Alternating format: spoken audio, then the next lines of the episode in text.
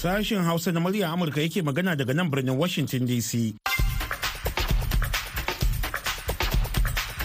Masu sauraro Assalamu alaikum da fatan ana shan hantsi lafiya. Baba Yakubu makeri ne tare da Muhammad Hafiz Baballe da sauran abokan aiki.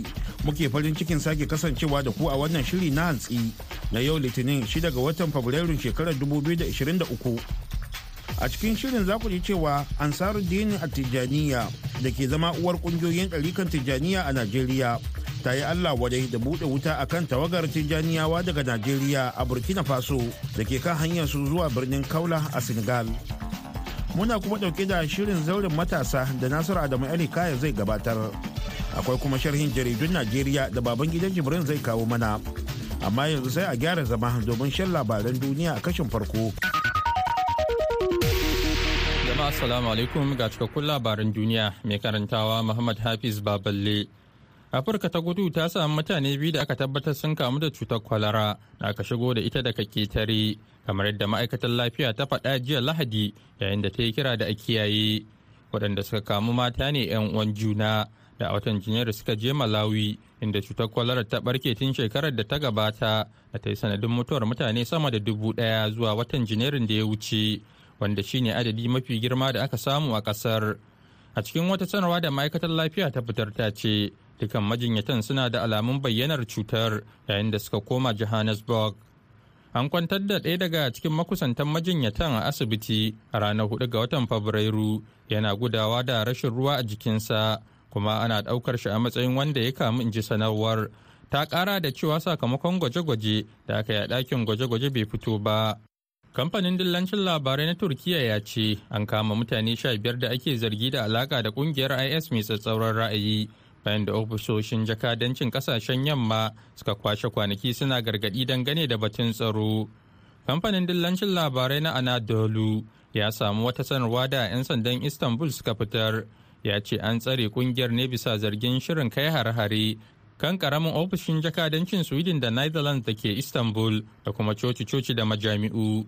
Amma 'yan sanda sun kara da cewa ba za su iya tantance wata barazana kwakwara kan wuraren ba.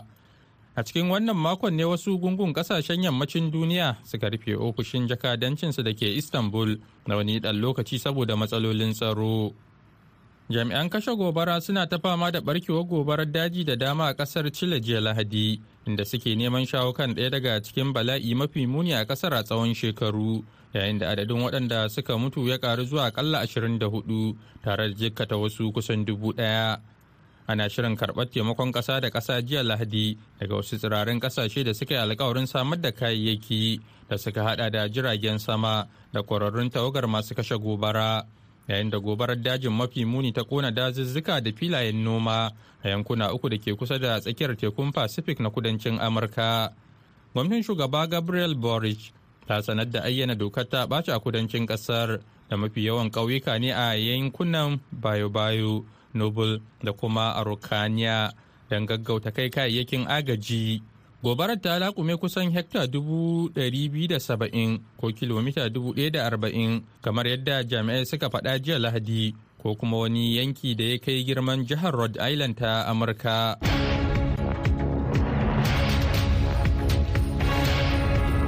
jima kaɗan baballe zai sake shigowa da ci gaban labaran duniya amma kafin nan ƙungiyar ansaruddin a tijjaniya da ke zama uwar ƙungiyoyin ɗarikan tijjaniya a najeriya ta yi allah wadai da buɗe wuta a kan tawagar tijjaniyawa daga najeriya a burkina faso da suke kan hanyar su zuwa birnin kaula na senegal.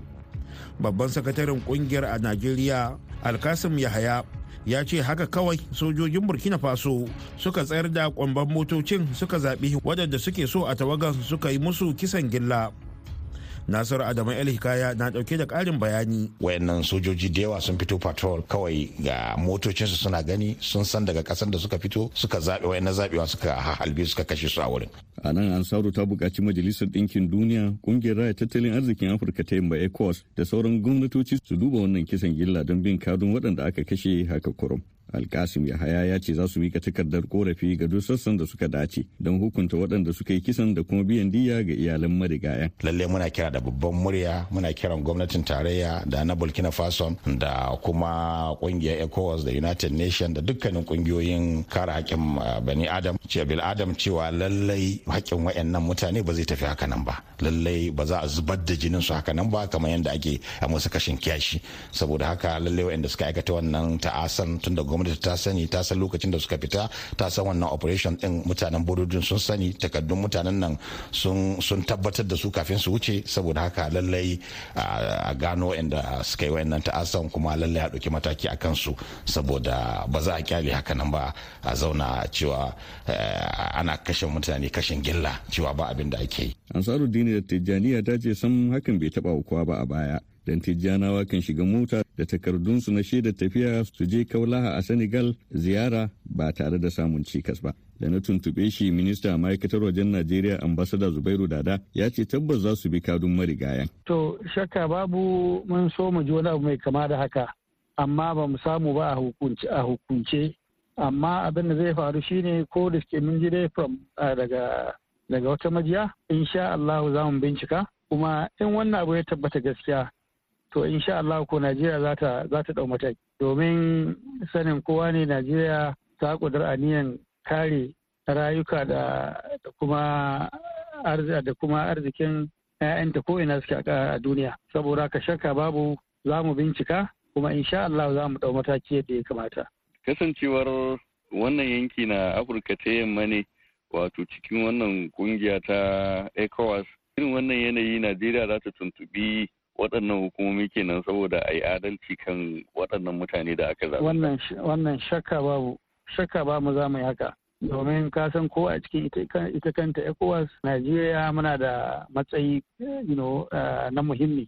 A halin yanzu dai sauran 'yan tawagar da suka tsallake rijiya da baya sun samu damar ci gaba da tafiya don isa senegal cikin matuƙar juyayin abun da ya auku. Nasura da maili kayan murar amurka daga abuja najeriya.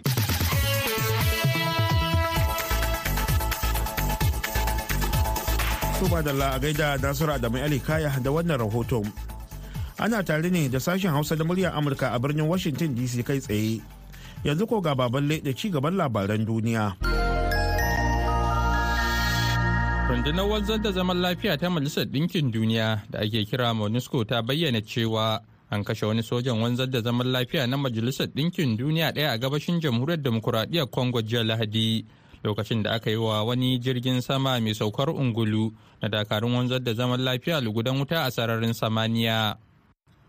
A cikin wata sanarwa da rundunar monusco ta fitar ta ce wani jami'in wanzar da zaman lafiya ya samu mummunan rauni a harin wanda bata bayyana kowanne ne ke da alhakin kai harin ba. Sanarwar bata bayyana kowane irin makami aka harba kan jirgin ba ko kuma abin da ya haddasa asarar rayuka. An girke dakarun wanzar da zaman lafiya na majalisar ɗinkin duniya mai ɗauke da sojoji kusan dubu sha takwas da ɗari biyu a gabashin congo tun bayan da ta karɓi ragamar jagorancin aiki da majalisar ɗinkin duniya ta yi a baya shekara ta dubu biyu da goma. Aikinta ya hada da tallafawa ƙoƙarin gwamnatin congo tabbatar da zaman lafiya a yankin da rikicin 'yan tawaye ya mamaye. Dubban mutane ne suka taru a birnin copenhagen jiya lahadi don nuna adawa da kudurin doka da gwamnati ta gabatar na soke ranar hutu don taimakawa wajen kara kashe kuɗaɗen tsaro. Manyan ƙungiyoyin kwadago na ƙasar ne suka shirya zanga-zangar adawa da soke hutun ranar addu'o'i da ake kira great prayer day ranar hutun kiristoci da ke faɗuwa a juma'a ta huɗu bayan ista wanda aka fara tun a shekara ta 1686 ƙungiyoyin da suka shirya zanga-zangar sun kiyasta akalla mutane dubu hamsin ne suka halarci zanga-zangar wadda ta zama zanga-zanga mafi girma a denmark cikin fiye da shekaru goma. Sai dai 'yan sandan yankin ba su ba da taron jama'ar ba. An ba da shawarar soke hutun ne a watan disambar bara don taimaka wajen tara kuɗaɗen haraji don karin kashe kuɗin tsaro a yaƙin da rasha ke yi a ukraine. Kuma wani ɓangare ne na sabuwar gwamnatin danish da aka kafa na shirin sake fasali da nufin shawo kan ƙalubale ga tsarin jin daɗin denmark. A gaida baballe da ya karanto mana labaran duniya daga nan sashen hausa na murya amurka a birnin washington dc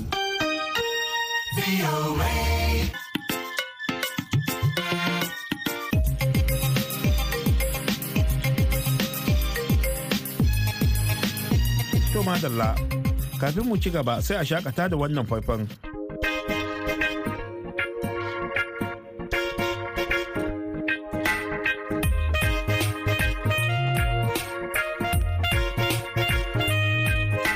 Ubana da ya haife ni bai kula da ni ba bai bari na ji daɗi ba.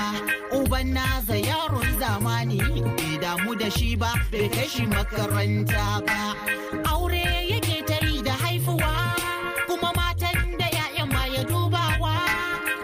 Ubannin muku dai na wannan rayuwa wannan rayuwa tana kawo damuwa.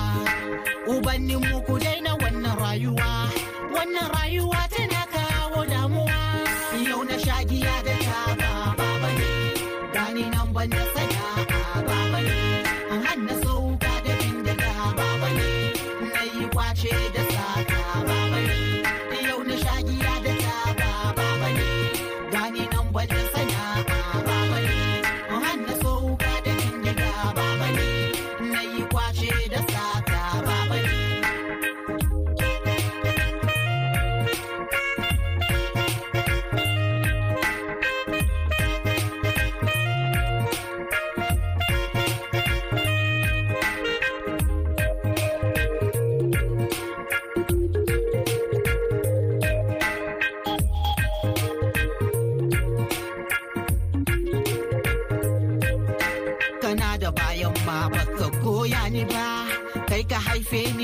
baka duba ni ba kana da bayan ma baka goya ni ba.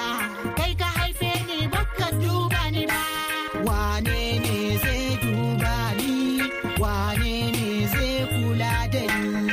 Wane ne zai duba ni? Wane ne zai kula da ni?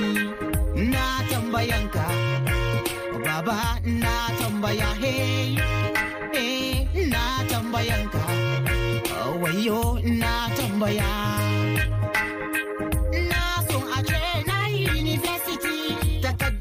Komai na yayi in zama gida kana nufin cewa da za ka yi security. Na tambayanka oh, baba na tambaya na tambayanka wayo na tambaya. Hey,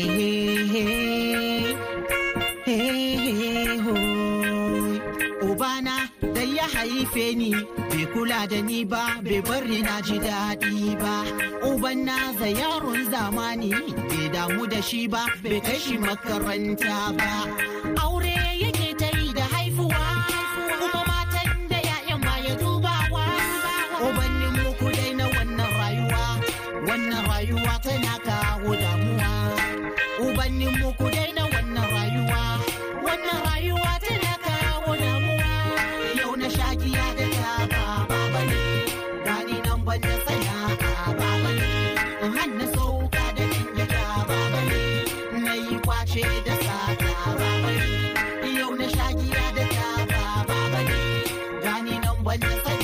madalla da fatan an shakata. Yanzu ko ga Nasiru Adamu Elikaya da shirinmu na gaba.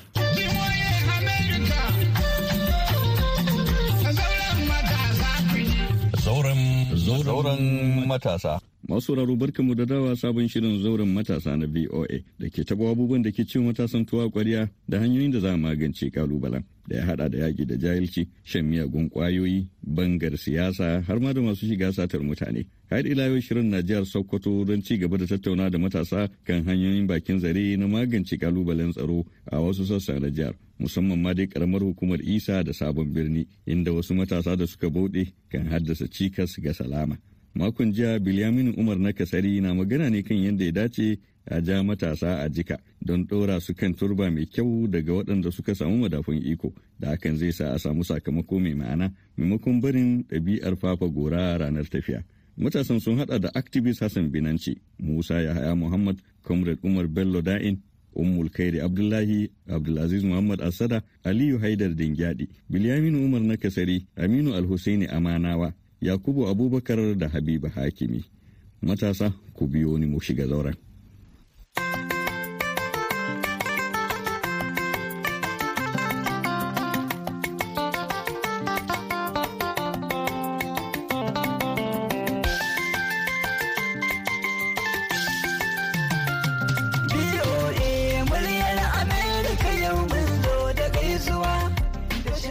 Abu da ya kamata a ce ya aiwatar wanda zai ciyar da ƙasar nan gaba ya kasance shi ya sa a gaba. Mun kasance muna ta zargin shugabanni ba sa wannan sun kasa. To ai akwai abin da ake cewa su kusan sun fara gangarowa ne daga inda suka hau. Mu kuma yanzu muke hawa. Me yasa ba za mu yi tunanin yin abubuwan da za su gyara mana goben mu ba? Domin mu za ta amfana. Saboda mu muke matasan nan mu muke da ƙarfi a jika mu muke da shekarun da muke da ƙarfin iya aiwatar da kuma menene. Matasa ku da ya kamata a ce mun ba da gudunmuwa a wannan matsala ta tsaro a madadin matasan na jihar Sokoto jama'an tsaro da bayanan da za su taimaka musu wajen kaiwa ga nasara a wannan matsalar. na farko kenan. na biyu mostly za ka samu matasa ne suke fadawa cikin wannan matsala. Me yasa ba za mu dinga shirya taruka ba domin wayan matasan mu matsalar nan akan irin wannan tsatsauran ra'ayi da makamantansu? Idan kila a cikin mutum ɗari idan aka shirya taron aka waye musu da kai illa akwai masu niyyar aiwatarwa. Cikin mutum ɗari alal misali aka samu mutum goma. Kaga matsalan ta ragu kuma za a samu mafita to ni ina ganin idan aka aiwatar da wannan insha Allah goben mu za ta yi kyau kuma mu za ta amfana. Kuma wannan takin da aka daɗe ana mana na shugabannin gobe zai tabbata goben ta zamo tamu mulki Najeriya mulki jihar Sokoto. Najeriya ma ta kasance giwon nahiyar Afirka kamar yadda ake mata take. Aminu Aminu akwai abin da ka faɗa wanda ya min dake ya burge. Na matasa hawa suke su ko wataƙila waɗanda suke gaba wato sun gangaro. Akwai wato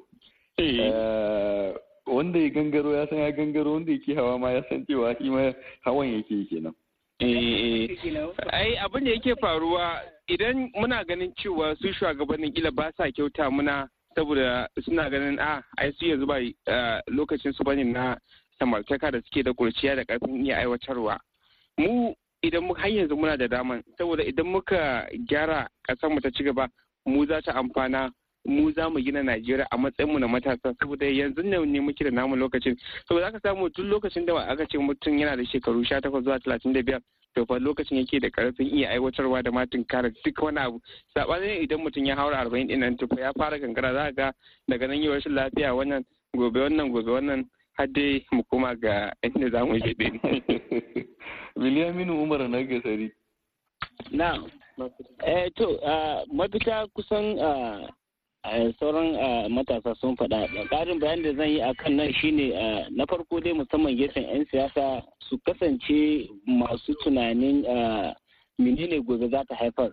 Idan na ce menene gobe za ta haifar kada su lalata kwakwalwar matasa kuma daga baya matasan nan idan suka zama waɗanda ba su ba iya zama tare da su. Su wannan abin zai iya shafan 'ya'yansu da kuma al'umma wanda su kansu ba za su samu zaman lafiyar da suke buƙata ba saboda shi mulki yana da lokaci. So kaga idan ka kada mulkin ka kuma ya kasance ta'addancin nan da ka assasa ko kuma ka taimaka ya faru kaga daga baya kuma zai dawo ya kasance kana da ɗan kusan mafita. Wanda kuma kana da damar da za ka samar da mafita ga wannan lokacin baka yi amfani da wannan damar ba. Su kaga akwai buƙatar su kasance masu tunanin menene gobe za ta haifar. Wayannan matasan dai su ne a shugabannin gobe. Kuma ya kasance a ba su kwarin gwiwa a jawo su a cikin shugabanci ko wani ɓangare wanda hakan zai sa tun suna a ƙananan matasan su za su gani su san yadda ake aiwatar da shugabanci. Hakan zai ƙara ƙarfa musu gwiwa su shigo idan lokacin su yayi za su yi a shugabanci kamar yadda waɗanda suka gabata suka yi idan muka duba a lokutan baya kusan waɗanda suka gyara najeriya fa suna cikin shekarun matasantaka ne wanda kuma yanzu za a ga kusan sai 'yan shekara sittin saba'in su ne ake ganin su suke gyara najeriya. don ko wanda yana shekara yana talatin da biyu ma mulkin najeriya ai. So ka gani so amma yanzu kusan yanzu ka duba wasu ma kusan lafiyar su ne ma kawai suke kusan ƙoƙarin nema ba ma ko kusan shugabancin ne suka sa gaba ba saboda sun za sun cimma gurin da suke so suna kan kujerun mulki so za ga kuma daga baya tsufa ya zo ko kuma kasawa gajiya ta shigo so za ga kuma daga baya ba iya wannan jiganiyar yau ciwo gobe lafiya kaga haka za a kare kusan abubuwan ba za a ce komai ba ne. Yi na Aliyu ya da dingyadi. Aliyu ya fita. To ina Abdulaziz Muhammad Asana. Ma'an Nasar ne abin da nake gani mafita shine gaskiya tun farko a sasi ya kamata a ce tun wurin ba da tarbiyyar nan waye su kula wurin ba 'ya'yansu tarbiyya ta gari da kuma kula da su da mu'amalar su da wa'anne irin mutane ya kamata su yi mu'amala da su bayan haka nan kuma shine shugabanni kamar yadda ake ta faɗi to su yi adalci akan wa'anda suke mulki. Mu kuma waɗanda ake mulki mu kuma kuma ko yaushe mu kwatanta yin adalci ga shugabannin nan. Idan sun da suka yi daidai abin da ya suka yi daidai mu yaba musu mu tabbatar shi su akan na cewa su yi wannan daidai. Su kuma su kasance masu ɗaukar shawarwari na gari wanda duk lokacin da aka ga su yi wani abu wanda ya su buɗe wani sashi wanda na sauraron korafe-korafen mutane da kuma sauraron shawarwari wanda idan aka yi haka insha Allah za a samu fita da yadda Allah. Ummul Kairi Abdullahi. Na'am. Yau ni dai kira na yanzu ga matasa shi ne. Ina kira ga matasa su dogara da kansu su nemi sana'a komai kankantar ta shi zai ƙara jayar da su daga miyagun abubuwa irin shaye-shaye da banga siyasa. Yana kira gare su da su nemi sana'a komai kankantar ta. Dan a kwanakin baya ma akwai wata ƙungiya tamu da muka je muka ba matasa. Sai da muka ba matasa taimako daga baya sai gashi ko da muka koma mun aza su kan sana'o'i mun ba su sana'o'i wasu su yi faci wasu mun kai su wurin gyaran mashin ko da muka dawo muka tarar da wasu a kan rumfar siyasa sun koma inda muka ɗauko su. Kaga ba da sun watsar da sana'ar kenan. Sun watsar da sana'a shi guda ma da muka je muka tambaye shi ina injimin da muka bashi na faci cewa ya sayar. Shi wanda muka kai wurin mai gyara wurin mai koyon gyaran mashin shi dai ya ce can yana zuwa can ba daɗewa ba yaka yana zuwa yana iya sati biyu bai zo ba. To ƙarama ɗaya da muka kai shi wurin gyaran manyan motoci shi ya dage saboda kullum baban shi ke ɗaukar shi da mashin ya kai shi. In marece ya yi baban shi in ya dawo kasuwa ya biyo ya ɗauko shi siyo gida. Amma su ga saura sun koma cikin banga siyasa kuma cikin muka ɗauko su muka taimaka musu saboda mu jayar da suwa su dogara da kansu saboda idan suna dogara da kansu ta'addanci zai zai kauce daga idanunsu. haka ne. Comrade umar bello da in. Assalamu alaikum. To a gaskiya ni akwai abubuwa guda biyu da na ganin su an mahita wanda kuma tun asalin farko ya kamata a ce an kula su. Ban mancewa tun lokacin da ina ƙarami ƙwarai ko firamare ban gama ba hulla wa ga ina dogon hulla abokina in babana ya gani da sai ya ce ina ka zo da hullar ga matasa ku dakata a nan makon gobe in Allah ya kai mu ma ɗora. A madadin matasan na jihar Sokoto, ni Nasiru Adamu Ali kaya da na shirya na gabatar ke cewa sai Allah ya kai mu wani makon. Wassalamu alaikum.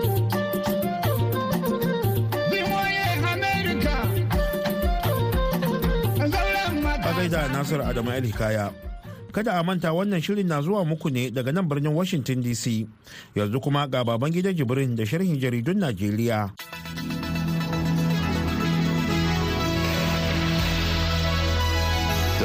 sharhin jaridun ne da jaridar daily trust. Daya daga cikin manyan labaran tana cewa shugaban kasa muhammadu buhari bayan gadawa da ya da wasu gwamnoni na jam'iyyar apc game da matsalar da ake fuskanta na sauyin kudade a ƙasar ya ba su tabbacin nan da kasa da kwanaki bakwai zai ɗauki matakin da ya kamata na kawo ƙarshen cunkoso da kuma rudani da ya biyo bayan matakin babban bankin najeriya na sauya kalan kuɗaɗen najeriya. Shugaba buhari ya furta hakan ne dai a lokacin da gwamnonin najeriya ƙarƙashin tutar jam'iyyar apc suka ziyarce shi tare da bayyana masa halin da talakawa ke ciki na rashin kuɗi da kuma fatara lamarin da tuni ya fara haifar da rikici a wasu jihohi na ƙasar sai kuma jaridar leadership jaridar leadership ɗaya daga cikin manyan labaranta na cewa a karan farko shugabannin bankuna a najeriya sun zargi babban bankin ƙasar da rashin ba su isassun kuɗaɗe da za su raba a bankunan su domin jama'a. Kungiyar ma'aikatan bankuna na najeriya ita ce ta yi wannan zargi a wata sanarwa da ta fitar wanda shugabanta comrade olosoji oluwale ya rataba hannu. Kungiyar ma'aikatan bankunan ta bayyana cewa yanzu haka akwai wani banki a najeriya da ke da rassa kimanin ɗari uku amma kuma babban bankin najeriya ya ba ta sabbin kuɗi naira miliyan ɗari uku da hamsin domin araba a bankunan. Lamarin da zai tashi kowane banki kenan naira miliyan ɗaya. Kungiyar ta bayyana cewa ina naira miliyan ɗaya zai yi a reshen banki guda mai dubban asusun ajiya sai kuma jaridar tribune ɗaya daga cikin manyan labaran na cewa masu ajiya a bankuna da sauran al'ummar gari sun banzama domin gudanar da wata zanga-zanga na adawa da matakin gwamnan babban bankin ƙasar na canja kuɗaɗe lamarin da kuma ke ci gaba da haifar da walhalu ga masu ajiya a bankuna tare da ba su iya cire kuɗaɗen su a zanga-zangar da aka gudanar a birnin badin da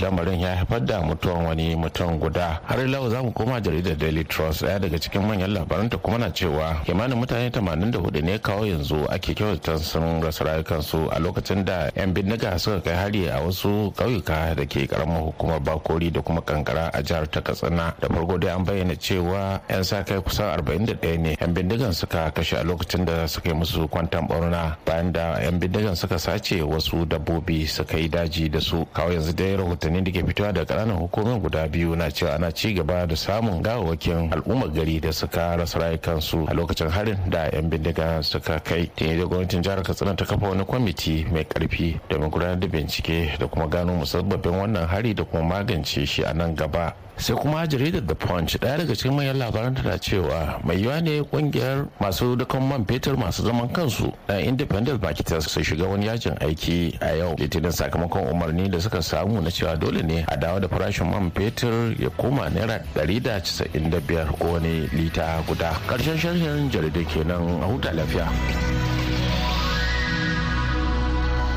To madalla a gaida baban gidan jibrin.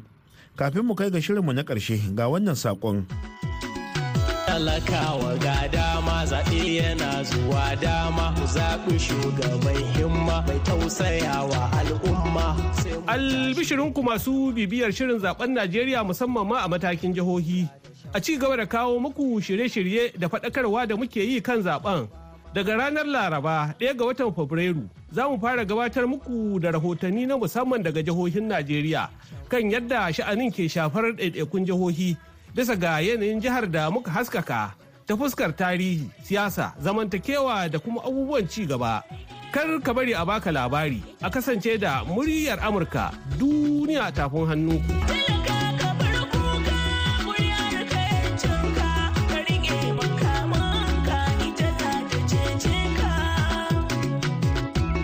Wannan ne kuma muka zo ga shirinmu na ƙarshe wato labarai amma a taƙaice. afirka ta gudu ta samu mutane biyu da aka tabbatar sun kamu da cutar kwalara da aka shigo da ita daga ƙetare kamar yadda ma'aikatar lafiya ta faɗa jiya lahadi yayin da ta yi kira da a kiyaye waɗanda suka kamu mata ne 'yan uwan juna da a watan janairu suka je malawi inda cutar kwalara ta barke tun shekarar da ta gabata da ta yi sanadin mutuwar mutane sama da dubu ɗaya zuwa watan janairun da ya wuce wanda shine adadi mafi girma da aka samu a ƙasar a cikin wata sanarwa da ma'aikatar lafiya ta fitar ta ce dukan majinyatan suna da alamun bayyanar cutar yayin da suka koma johannesburg. Kamfanin dillancin labarai na turkiya ya ce an kama mutane sha biyar da ake zargi da alaka da ƙungiyar is mai tsatsauran ra'ayi bayan da ofisoshin jakadancin ƙasashen yamma suka kwashe kwanaki suna gargaɗi dangane da batun tsaro. Kamfanin dillancin labarai na anadolu ya samu wata sanarwa da 'yan sandan istanbul suka fitar ya ce an tsare ƙungiyar ne bisa zargin shirin kai hare-hare. Jami'an kashe gobara suna ta fama da barkewar gobarar daji da dama a ƙasar chile jiya lahadi inda suke neman shawo kan ɗaya daga cikin bala'i mafi muni a ƙasar a tsawon shekaru yayin da adadin waɗanda suka mutu ya ƙaru zuwa akalla 24 tare da jikkata wasu kusan dubu ɗaya. Ana shirin karɓar taimakon ƙasa da ƙasa jiya lahadi daga wasu tsirarin ƙasashe da suka yi alkawarin samar da kayayyaki da suka hada da jiragen sama da ƙwararrun tawagar masu kashe gobara yayin da gobarar dajin mafi muni ta kona dazuzzuka da filayen noma a yankuna uku da ke kusa da tsakiyar tekun pacific na kudancin amurka. Rundunar wanzar da zaman lafiya ta majalisar ɗinkin duniya da ake kira monusco ta bayyana cewa an kashe wani sojan wanzar da zaman lafiya na majalisar ɗinkin duniya ɗaya a gabashin jamhuriyar demokuraɗiyyar congo jiya lahadi lokacin da aka yi wa wani jirgin sama mai saukar ungulu na dakarun wanzar da zaman lafiya lugudan wuta a sararin samaniya. To masu sauraro da haka ne muka kawo ƙarshen shirin namu na wannan hantsin. Idan Allah ya kai mu a shirinmu na la'asariya za a ji wasu abokan aikin mu ɗauke da wani sabon shiri. Yanzu a madadin Muhammad Hafiz Baballe da ya taya ni gabatar da shirin da kuma Solomon Abu da ya shirya ya ba da umarni da ma injiniyanmu na wannan hantsin. Baba Yakubu makeri ne daga nan birnin Washington DC nake muku fatan alkhairi. Wassalam.